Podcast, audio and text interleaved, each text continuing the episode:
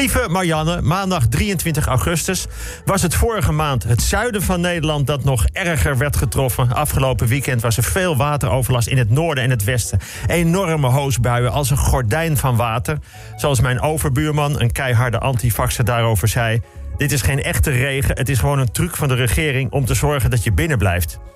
Ik zou nu eigenlijk ook iets moeten zeggen over Afghanistan, maar dat is zo'n drama dat ik het nog even op geen enkele wijze kan begrijpen. Nee, eerst de vakantietips. Voor regio Noord zit de zomervakantie erop.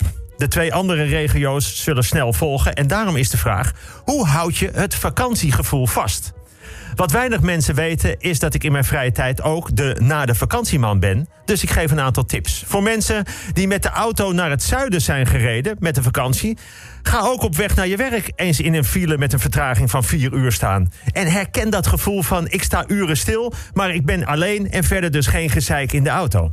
Mensen van de camping, doe morgens je deur open. Zeg iedereen gedag. Glimlach verontschuldigend omdat iedereen jouw portie seks van vannacht heeft kunnen volgen. Geniet van de jaloezie van de gezichten van de buren. En loop ook gerust met een wc-rol onder je arm door de wijk. op weg naar de toiletten van de plaatselijke sportclub. Ga er ook lekker douchen. Mensen die met de camper of de caravan weg zijn geweest. Zet alles wat je nodig hebt in de kleinste kamer van het huis. En zeg elke dag tegen elkaar. We hebben dus niet meer nodig.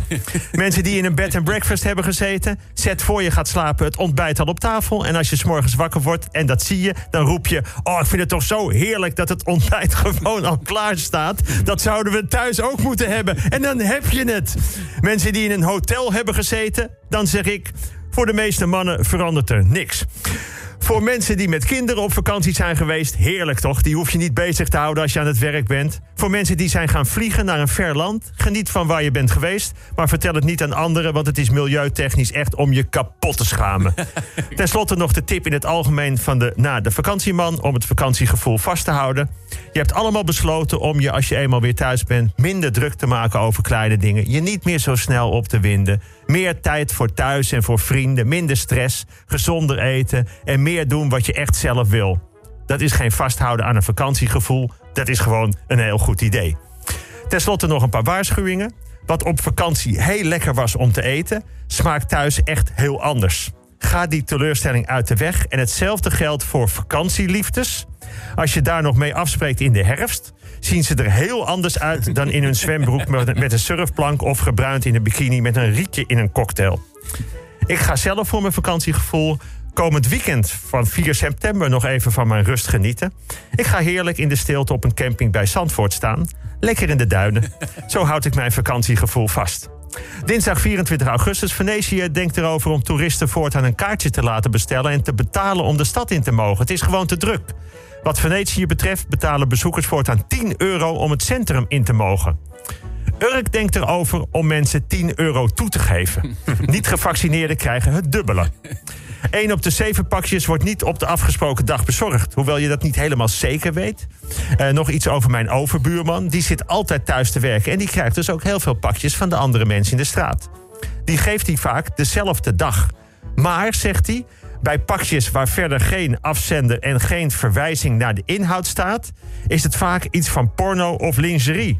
Let maar op, zegt hij, dat is bijna altijd een kale doos. Zo'n pakje komt hij ook niet afgeven bij je. Dat moet je zelf halen. Maar dan wil hij eerst een afspraak over voor een gesprek. Hij zegt altijd: Ik ga dit soort pakjes niet afgeven als het voor onder de 18 of voor boven de 55 is. Zelf ben ik dus boven de 55 en ik begrijp nu waarom mijn pakjes vaak te laat komen. De prijzen van koophuizen zijn de laatste zeven jaar uh, gestegen met bijna 75 procent. Dat is een waardegroei tussen de 3000 en 5000 euro per maand. Dat is zonder te werken.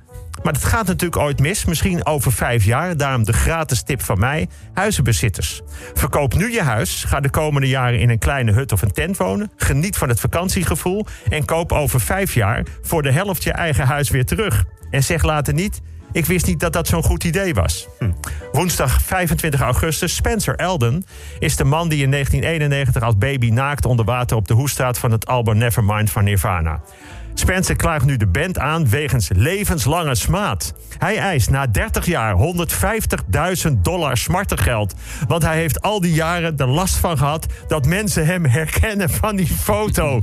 Wildvreemden die hem op straat na 20 jaar nog aanspreken en zeggen: Zo, jij hebt een kleintje. Nirvana's frontman Kurt Cobain kon niet reageren, want hij is al 27 jaar dood. Mijn ouders hebben ook talloze dia's van mij als naakte baby op het strand. Maar ook zij kunnen niet meer reageren. PSV is zeer jammerlijk door Benfica uitgeschakeld voor deelname aan de Champions League. De bal wilde er niet in tegen een tiental van Benfica dat alleen maar met z'n allen in slagorde voor de keeper stond. PSV-spits Sahavi miste een kans vanaf anderhalve meter.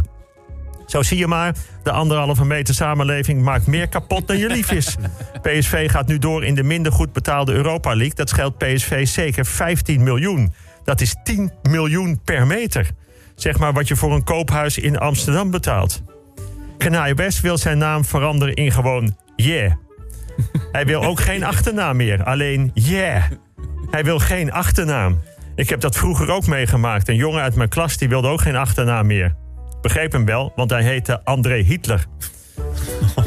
Donderdag 26 augustus. Ik hoor net dat op de camping waar ik komend weekend sta... nog 5000 mensen zijn.